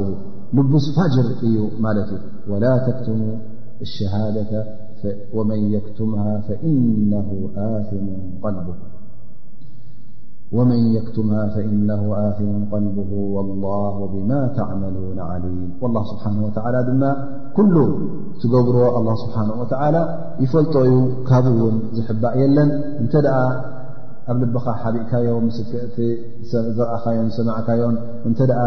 እናፈለጥካ ጌጋ መስኪርካ ወይ ውን ረስዕካ ጌጋ መስኪርካ ወይ ውን ብሓቂ መስኪርካ ወይ ውን ብኸንቱ መስኪርካ ኣላ ስብሓን ወተዓላ ኩሉ ይፈልጦ እዩ ዝሕብኦ የብሉን እሞ ነፍስኻ ኣ ኣይትጠብር ነዚ ኣይትጠብር ፅባሕ ንግሆ ኣላ ስብሓን ወተዓላ ቅድሚዑ ዶ ምስ በልካ ተሓቂ ኣብ ልበኻ ነራዶ ኣይነበረትን እቲ ጌጋ እናፈለጥካ ዲኻ ተጋጊኻዮ ወይ ከዓ ከይፈለጥካ ኣላ ስብሓን ወተዓላ እቲ ደቂቕ ኣብ ልብኻ ዘሎ ስለ ዝፈልጦ ተጠንቀቕ ኣብ ጌጋ ኣይትውደቕ ይብለካ ኣሎ ኣላ ስብሓን ወተላ ናይ ሎሚ ተፍሲርና ብ ኣብዚ ይድምደም ግን ኣልእማም ወይ ከዓ ሸክ እብን ስዕዲ ኣብ ተፍሲሩ ነዛ ኣያ እዚኣ ክንደይ ፋዒዳ ኣውፅእላ መስለኩም ክንደይ ትብ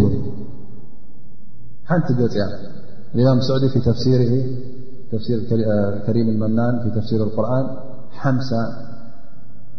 ፋይዳ ወይከዓ ሓምሳ ውሳእነታት ወይዓ ኣሕካም ኣውፅኢላ ማለት እዩ ሓምሳ ደንብታት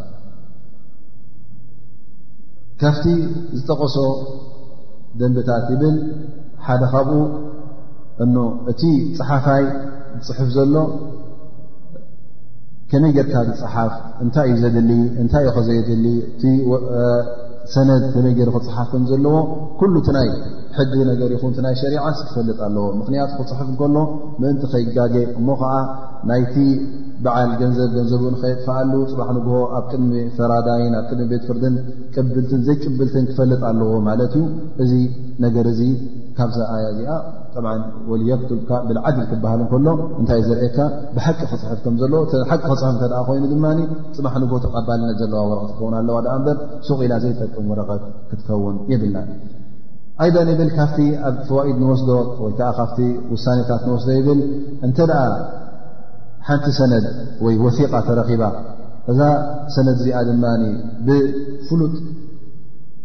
ኸጥ ማለት ብፅሓሕፋ ብወዳድቃ ኣፅሓሕፍኡ ሓደ ሰብ ፍሉጥ እዩ ነሩ ከመይ ገይሩ ከም ፅሕፍ ኸጥ ናቱ እተፈልጠ ማለት እዩ እዚ ሰብ እዚ ድማ ውርይ ነይሩ ዓድል ከም ምዃኑ ኣማና ከም ዘለዎ ዝፅሑፎ እውን ሓቂ ከማን እሞ እንተ ንኣብነት ቶም መሰኻኽር ሞይቶም ንበሎ ትፅሓፋይ ን ሞይቱ ግን እዛ ወረቐት እዚኣ እተ ተረኺባ እዛ ወረቐት እዚኣ ቅብልቲ እያ ይብል ምክንያቱ እዚ ሰብ ዚ ዓድል ስለ ዝኾነ እተ ተፃሒፋ በዛ ኣያ እዚኣ እዛ ወረቐት እዚኣ ወላ ውን ቶም መሰኻኽር ኣይሃልዉ ወላ ውን ትፅሓፍ ኣይሃሉ እንተ እታ ፅሕፈት ኣላ ኮይና ፅሓፋ ውን ብኣፅሓሕፉ ብወዳድቃ ፊደላቱ ስለፍሉጥ እተ ኮይኑ እቲ ፅሓፋ መን ክምዃኑ ተረጋጊፅካ ብድሕሪኡ ወላ ውን የሞቱ እዛ ሰነድ እዚኣ ቀብልቲ ከም ምዃና ንርዳእ ከምኡ ውን ይብል ኣነ ወዲ ሰብ እንተ ደኣ ባዕሉ ብኢደ ወነን ኣነ ከምዚ ገረን ከምዚ ገረን እንተ ደኣ ኢሉ ንሓደ ነገር እተ ተቐቢልዎ እዚ ሰብ እዚ እቲ ቃሉ ቅቡል ይኸውን ማለት እዩ ኣብ ቤት ፍርዲ እተ ኮይኑ ወይከዓ ኣብ ዝኾነ ኣነ ከምዚ ከምዚ ገረ ወይከዓ ከምዚ ከምዚ ገረን እተ ኢሉ ባዕሉ ብነፍሱ እተ ተዛሪቡ ኩሉ ግዜ ብኣፉ እዩ ዝታሓዝ ብቃሎ ውን ይታሓዝ እዩ ስለዚ ዝኾነ ጉዳይ እተ ብድሕሪኡ ተሓቲቱ ብዘረብኡ ኣነ ረሲዐ ገለሜታ ተ ኢሉ እዚ ኩሉ ይጠቕሞን እዩ ተ ሓንሳእ ተዛሪቡ ኣነ ከከ ተለቂሐ ነረ ኢሉ እተ ነዚ ነገር ዚ ባዕሉ ተኣሚኑሉ ብድሕሪ ሕጂ ኣነ ተጋግኤ ክብል ኣይክእልን እዩታ ቃሉ ብኣ ክታሓዝ ይኽእል እዩ ተጋጊ ረሲዐ ረሲዐ ረ ገለሜታ ዝብል እዚ ሕጂ ቦታ የብሉን ማለት እዩ እተ ኣብ ቤት ፍርዲ በፂሑ ከምኡ ውን ይብል ካብቲ ፈዋኢድ ዘምፅኦ ውን እ እቲ ወሊ ወይ ከዓ እቲ ወኪል ኮይኑ ዝቐርብ ውን ልክዕ ከምቲ መስካሪ ወይ ከዓ ከምቲ በዓል ገንዘብ ወይ ከዓ ከምቲ ተለቃሒ ዓድል ክኸውን ኣለዎ ብሓቂ ዝፅሕፍ ክኸውን ኣለዎ ካብ ሓቂ ውን ክወፅእ የብሉን ከምኡ ውን ካብቲ ፋይዳታት ንጥቀሞዎ ንብል ቡት ውላያ ኣምዋል ማለት ወኪል ኣብ ናይ ገንዘብ ነገር ወኪል ክኸውን ከም ዝከኣል ማለት ንሕሙም ሰብ ወይ ከዓ ንናእሽቱ ወይ ከዓ ንቁሩብ ሓንገሎ ሰሓተ ወይ ከዓ ዓብዩ ኣብ ዕቤት በፂሑሞ ክቆፃፀር ዘይክእል እንተ ከምዘሎ ኮይኑ እንታይ ዘርእየና እዚ ወልይ ክህሉ ከም ዘለዎ እዚ ወልይ እዚ ድማ ቃሉ ቅቡል ከም ምዃኑ እሱ ዝገብሮ ኣብቲ ገንዘብ እውን ቅቡል ከም ምዃኑ ግን ብሸርጢ እዚ ሰብ እዚ ከም ዝበልናዮ ዓድል ክኸውን ከም ዘለዎ እሙን ሰብ ክኸውን ከም ዘለዎ ስለዚ እንተ ደኣ ተሰረፍቲ ኣምዋል ማለት ናይቲ ናይዞም ሕሙማት እዚኦም እተ ኣብቲ ገንዘቦም ዝገብሮ ተሰርፍ ናይ ምሻጥን ናይ ምልዋጥን ቅቡል ከም ምዃኑ የርእየና ከምኡ እውን ካብዚ ኣያ እዚኣ እንታይ ንርዳእ ሕሙም ይኹን ወይ ከዓ ፅሉል ይኹን ዋላ ውን እሽተይ ቆልዓ ወይ ከም ዝኣመሰልቶም ሰፊህ ኢሉ ኣላ ስብሓ ላ ዝጠቐሶም ወይ ضዒፍ ኢሉ ዝጠቐሶም እዞም ሰባት እዚኦም ውን ክእወዱ ከም ዝኽእሉ ማለት ሓደ ሰብ እዚ ሓሚሙ ተፀሊሉ ኢልካ ገንዘብ ኣይመሓር እተ እወድ ኮይኑ እቲ ገንዘብ ገና ኣብ ዝባኒ እዩ ዘሎ ምኽንያቱ እዚ ሰብ እዚ ወይ ብውርሻ ክመፀ ክእሉ ዩ ገንዘብ ወይ ከዓ ብካልእ መገዲ እተ መፅዎ ክኸፍል ከም ዘለዎ ስለዚ ይንኣሽ ይዕበ ይሕመም እንተ ይእወድ ኮይኑ ይእወዲ ማለት እዩ ፅሉል ኢልካ ወይ ከዓ ቆልዓ ኢልካ ወይ ውን ዓብኡ ዝገብሮ ይፈልጥን ኢልካ እዚ ሰብ እዚ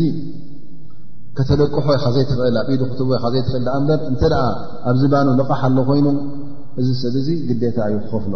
ፅባሕ ንግሆ ምናልባሽ ወይ ብውርሻ ርከብ ወይ ከዓ እቲ ተፀልዩ ነበረ ምናልባሽ ጥዑይ ክኸውን ክእል እዩ እቲ ንእሽተይ እውን ክዓቢኡ ሰሪሑ ክኸፍል ስለ ዝኽእል እዞም ሰባት እዚኦም እንተ ልቓሕ ኣሎ ኮይኑ ሕጂ ተለቀሕዎ ወይ ከዓ ካብ ኣቦኦም ወይ ከዓ ካብ ኣዝማ ተመሓላለፈ ልቓሕ ኣሎ እተ ኮይኑ ወይ ገና ከይ ተፀለለ ከሎ ከይ ዓበ ከሎ እተለቀሖ እተ ኣሎ ኮይኑ እዚ ሰብ እዙ እቲ ምእዋድ ኣይተርፎን እዩ ምክንያቱ ኣብዚ እንታይ ሕጂ ዘርእየና ይእወዱ ከም ዝእወዱ ኣ ፈኢንካ ለذ ለ ሓቅ ሰፊሃን ኣው ضዒፈን ማለት ይእወድ ማለት እዩ ከምኡ ውን እንታይ እዩ ዘርእና እንተ ሓደ ሰብ ፅሉል ይኹን ወይ ንእሽተይ እንተ ተኣሚኑ ኣነ ከምዝን ከምዝን ወሲደ ኢሉ ውን ቃሉ ቅቡል ከም ዘይኮነ ካብዛ ኣያ እዚኣ ውን ንርዳእ ከምኡ ውን እንታይ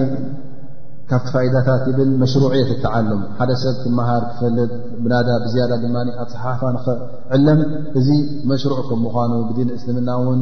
ግዴታ ከም ምኳኑ እተ ዘይ ክሳዕ ፈርድ ክፋያ ውን ይበፅሕ ማለት እዩ ምክንያቱ እተ ኣብቲ ህብረተሰብ ኣስላም ኩሎም መሃይም ዘይፅሕፉ እተ ኮይኖም ኩሎም እንታይ ክኾኑ ማለት እዩ ኣብ ዘንቢ ይወድቁ ግን ፅሒፎም እኹላት ዝፅሕፉ ነቲ ሓቂ ሰብ ወይ ከዓ ገንዘብ ሰብ ዝሕልዉ ነቲ ኣብ መንጎ ሰብ ዝርከብ ናይ ገንዘብ ይኹን ናይ ማል ርክባት ንዕኡ ዝፅሕፉ ክርከቡ እዚ ግዴታ ከም ምኳኑ በዛ ኣያ እዚኣ ንሪኦ ማለት እዩ ከምኡ ውን ካብቲ ፋይዳታት ንጥቀሞ ኣና ይብል ምስክር ካሕድ ካሕዳን ሰብ ዘየስላማይ ውን ክምስክር ከምዘይክእል ናቱ ምስክርነት ን ቅብልቲ ከምዘይኮነ ካብቲ ካብዚ ኣያ እዚኣ ውን ክንጥቀሞ ንኽእል ኢሉ ዘምፅዖ ክ ብን ስዕዲ እብል እንተ ሓደ ሰብ ን ወይ ከዓ ሓደ መስካሪ እንተ ሓንቲ ጉዳይ ረስዕዋ ነይሩ እሞ ከዓ ምስ ዘክርካዮ ከምዚ ከምዘካ እተ ገ ሓቢርካዮ ሞ ዘኪሩ ሸሃድኡ ቅቡል ከም ምኳኑ ን ላ ስብሓን ወላ እታ ጓል ንሰይቲ ፈትዘኪራ እሕዳሁማ ኣኽራ ስለ ዝበለ እንተ ኣዘኪራታ እሞ ዘኪራ ቅብልቲ እየ ማለት እዩ ቃላ ዛሊክ ዝኾነ መስካሪ እተ ሓንቲ ነገር ምናልባሽ ረሲዕዋ ነይሩ እሞ እተ ሓደ ሰብ መፅኡ ከምዚ ከምዚ ምሻት ከ ከምቲ መዓልቲ ከምዚ ነይሩ እተ ኢሉ እሞ ኣዘኻኺሩ እሞ ከዓ ተዘኪሩ እዚ ሰብ እዚ ምስክርነቱ ቅቡል ከም ምዃኑ ከምኡውን እንታይ ንጥቀም ንኽእል ካብዚ ዓያ ብል እተ ውን ጥራይ ኣብ መንጎ ክልቲኦም ዝፅሓፍ ኣይኮነን ወላ ውንቲ ምስክር ሰብ ሓደ ሰብ ምስክር እንተ ኮይኑ እሞ ሎም መዓልቲ መስኪሩ ፅባሕ ንግሆ ንኸይርስዕ እተ ዝፈርህ ኮይኑ እሱ ባዕሉ እውን እታ ዝመስከረላ እንተ ፀሓፋ እውን ፅቡቕ ከም ምዃኑ ብዝያዳ ውን ነቲ ምስክርነት ናቱ ከተትረሉ ከም ትኽእል እዚኣ ውን ፅብቕቲ እያ ኣይን ከምኡ ውን ይብል እብን ስዕዲ ማለት እዩ ካብቲ ፋይዳታት ዘምፅኦ ካብ ገለ መሓረማት ክትገብር ከለኻ እዚ ከም ፊስቅ ከም ዝቁፅር ኣ ኣ ስብሓ ወላ ፈኢነ ፍሱቅ ብኩም ክብል ከሎ እተ ነዚ ነገር ዘይገበርካ ነቲ ትእዛ ስብሓ እተ ዘይተማእዘዝካ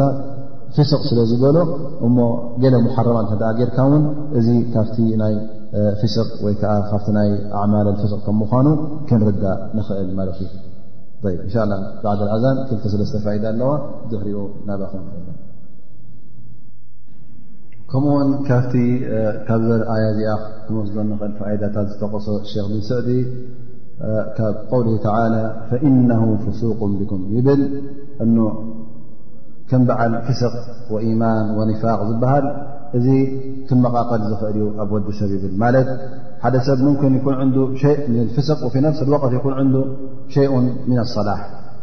ማለት ገለ ካብ ፍስቕ ጌጋታት ገብር ከሎ ኣብ ርእሲኡ እውን በቲ ሓደ ወገን እውን ብኼር ከም ዘሎ ልክዕ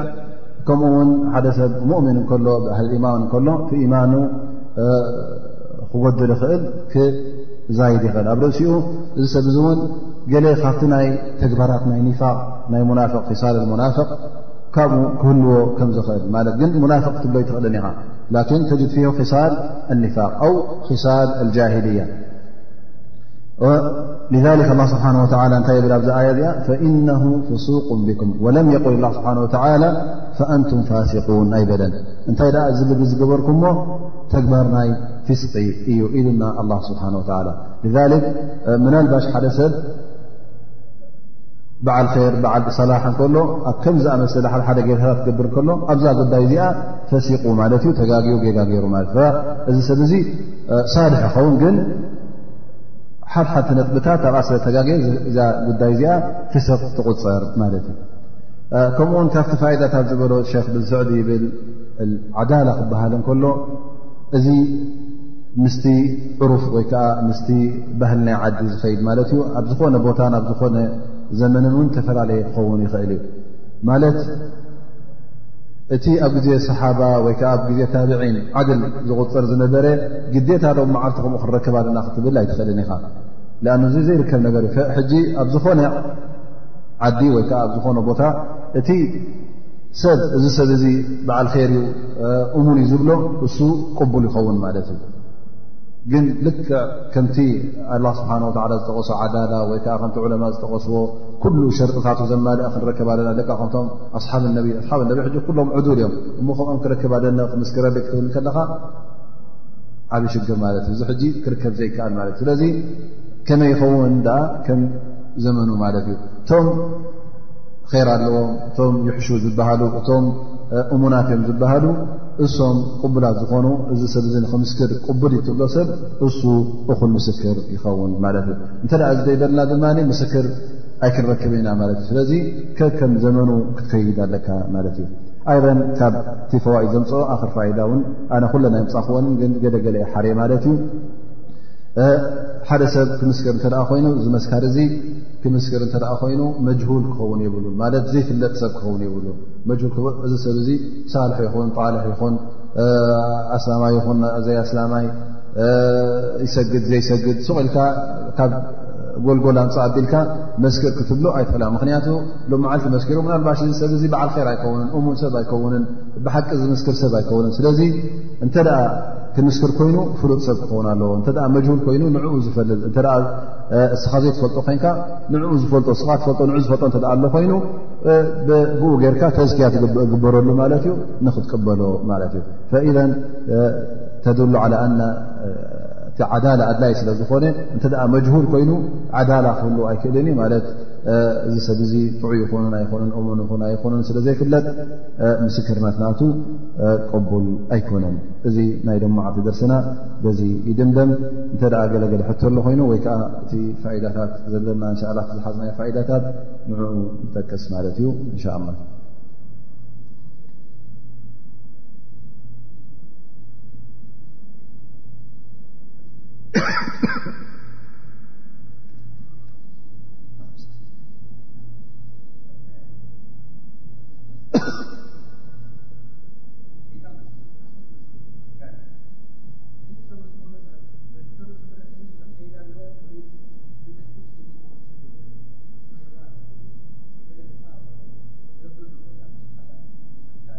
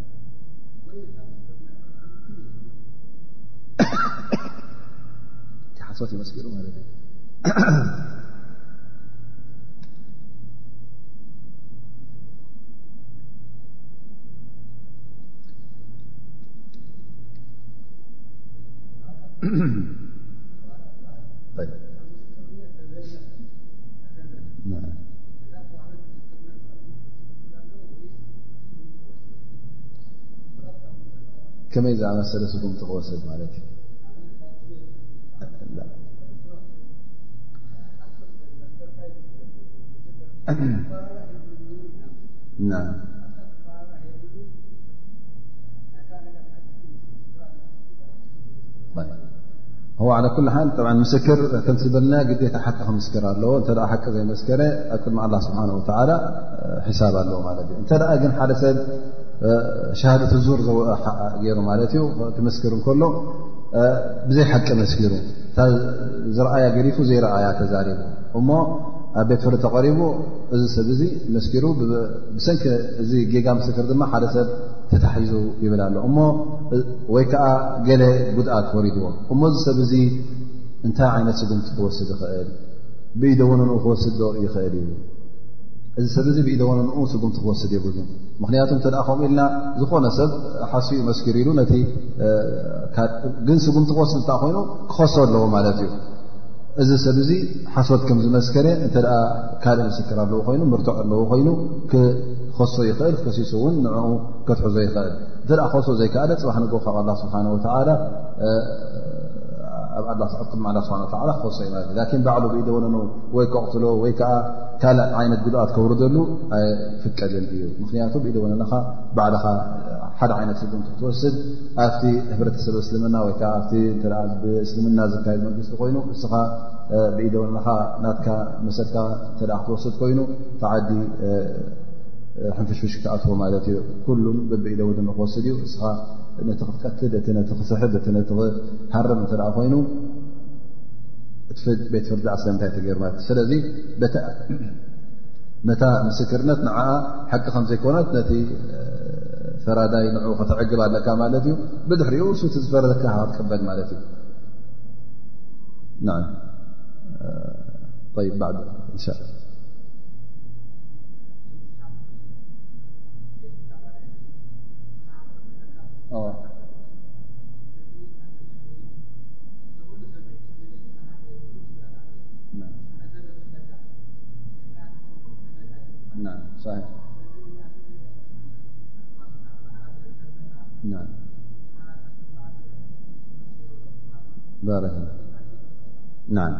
እዚኣ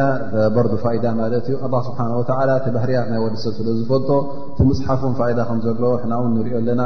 ብሰንኪ ዘይምፅሓፍ ክንደይ ሰብ ኣብ ምክሕሓብ ኣትዮም ኣብ ባእሲ ኣትዮም ኣለዉ ተፃሒፉ ተትፀንሕ ተመስኪሩ ተትፀንሕ ግን ኣብ ከምዚ ኣይንበፅሐን ነይሩ ኣብ ባእስን ኣብ ምንቋትን ኣብ ምትህራምን እውን ኣይንበፅሐን ነይሩ ከምኡውን ኣብ ምክሓድ ኣይበፅሐን ነይሩ ስለዚ ትዝሓሸን ዝበለፀን እንተ ዝኾነ ጉዳይ ናይ ገንዘብ ኮይኑ ናይ ከም ዝኣመሰለ እተ ኣሎ ኮይኑስ ተዘፃሓፍናዮ ዝበለፀን ዝሓሸን እዩ እዚኣ እውን ዝያዳ ልምዓት ፋይዳ ወሲድና ደናብል ማለት እዩ ን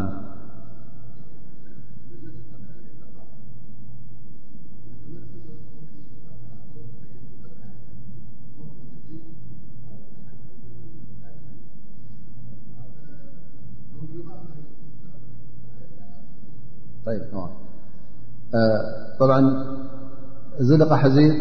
ገንዘብ ብገንዘብ ኣይኮነን ገንዘብ ብገንዘብ ኣይኮነን ማለት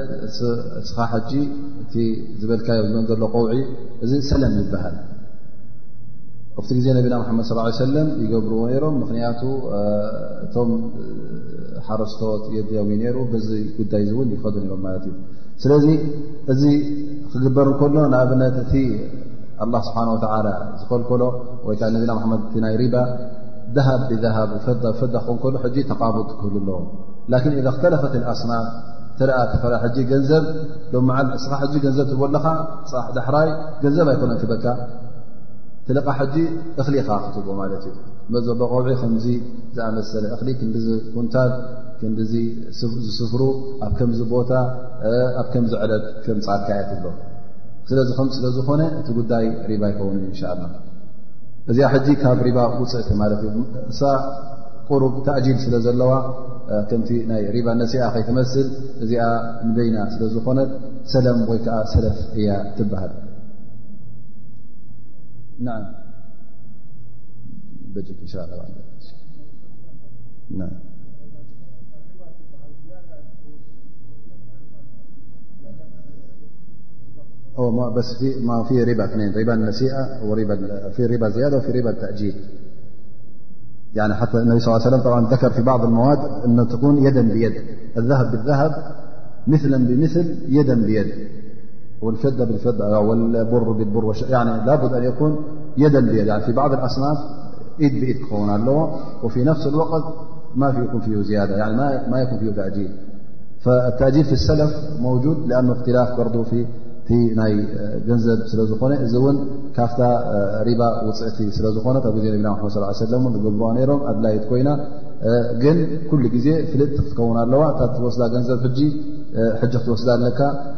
ብድሕሪኡ እውን ፍሉጥ እዋን ኣብ ፍሉጥ ሰዓት ኣብ ፍሉጥ ቦታ ኣብ ፍልጥቲ ስፍራ እቲ ዓይነቱ እውን ፍሉጥ ክኸውን ኣለዎ እቲ እኽሊ ይኹን ተምሪ ይኹን ከምዝኣመሰለ ከምዝኣመሰለ ተምሪ ከምዝኣመሰለ ጥረ ወይ ከዓ ከምዝኣመሰለ ስርናይ ስስሙ እቶም ሓረሶ ትፈልጥዎ ማለት እዩ ኩሉ ተፈድዩ ኣብ ፍሉይ መዓልቲ ክኸውን ከሎ ካብ ሪባ እንሻ ላ ወፀት እያ እዚኣ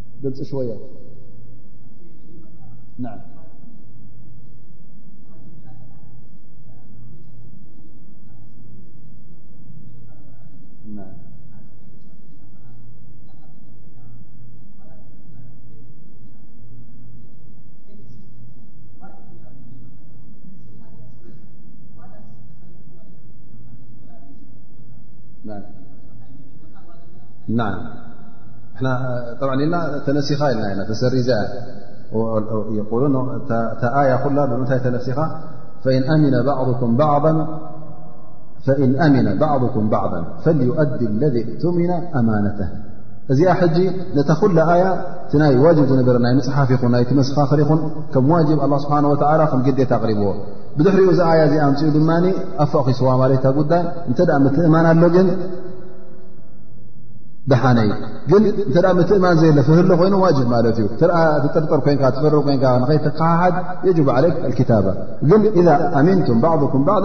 ተኣምን ኮንካ ተኣማሚኒ ኢልካ ባዕ ትትሓመል ኣብ ነፍሰ ፅባሕ ንጎ ስለምንታይ ዘይከፈለኒ ክትብል የብልካ ስለምንታይ ዘየበለኒ እዚኣ ሕጂ ኣሚንካ ከይርካያ ዘለኻ ኣብ ዝባንካ ትወቃዕ ማለት እዩ ን ሽ ብተር እንሻ ላ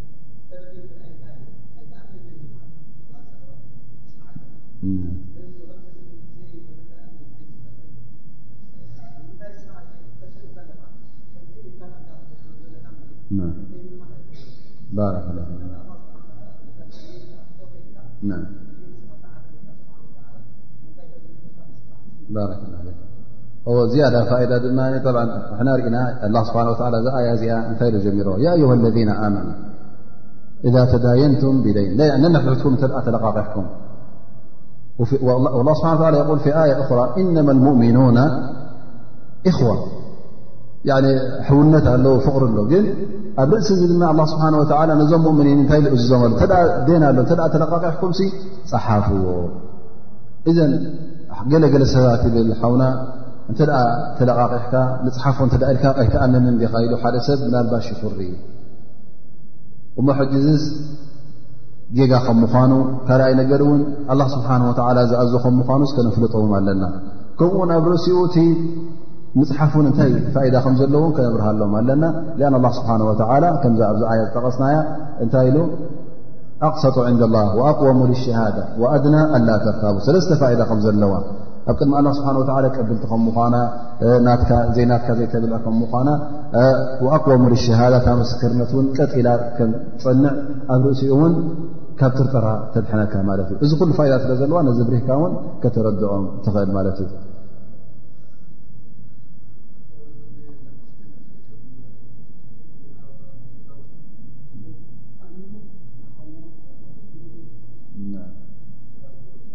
ص እቲ ጌጋ ዝርከብ ናይ ገዛውቲ ነገር ኩሉ ሽግር ዘሎ ተኣማሚንካ ዝግበር ዝነበረ ማለት እዩ ግን ኣብ መጨረሻ ግን ሕና ከምዝንብሎ ዘለና ትዝሓሸን ዝበለፀን ኩሉ ግዜ ወላ እውን ሓዉካ ይኹን ከምቲ ኣ ስ እነመ ሙእሚና እኽወ እናበለ ከሎ ኣሕዋት ዮም እናበለ ከሎ ፀሓፍዎ ካብ በሎ እንተፀሓፍዎ ሕጂ ብዝያዳ ዝሓሸ ኸውን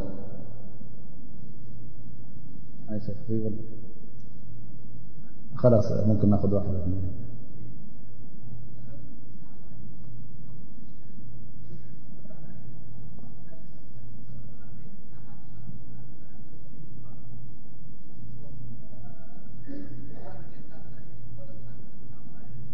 ዝጠለለ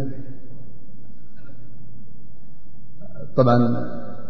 ኣወለ እታ ቀዳመይቲ እቲ ፅሓፋይ እተ ምፅሓፍ ኣብዩ እንታይ ኹ ልና ብጀክኡ ዘይፅሕፍ ኣሎ ኮይኑ ዘይትረክብ ኮይንካ የጅብ ለ ክፅሕፍ ኣለዎ ፈርድ ለ ዋጅብ ለ እዚ ሰብ እዚ ክፅሕፍ ኣለዎ እተ ይፅሓፈ ዘንብ ኣለዎ ማለት እዩ ፅሕፈልካ ማለት እዩ እተ ካልእ ኣሎ ኮይኑ ካልእ ፅሕፈልካ ማለት እዩ እዚኣ ሓንቲ እያ ግን እተ ካልይቲ ድማ እተ ሓደ ሰብ ልቓሕ ጠሊሙ ይብሉ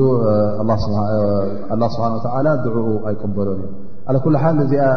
ዝያዳ ምርጋፅ ሰድለያ ማለት እዩ ሓዲስ ኣሎ ዩ የብለን ኣ ኣላ ዓለ ና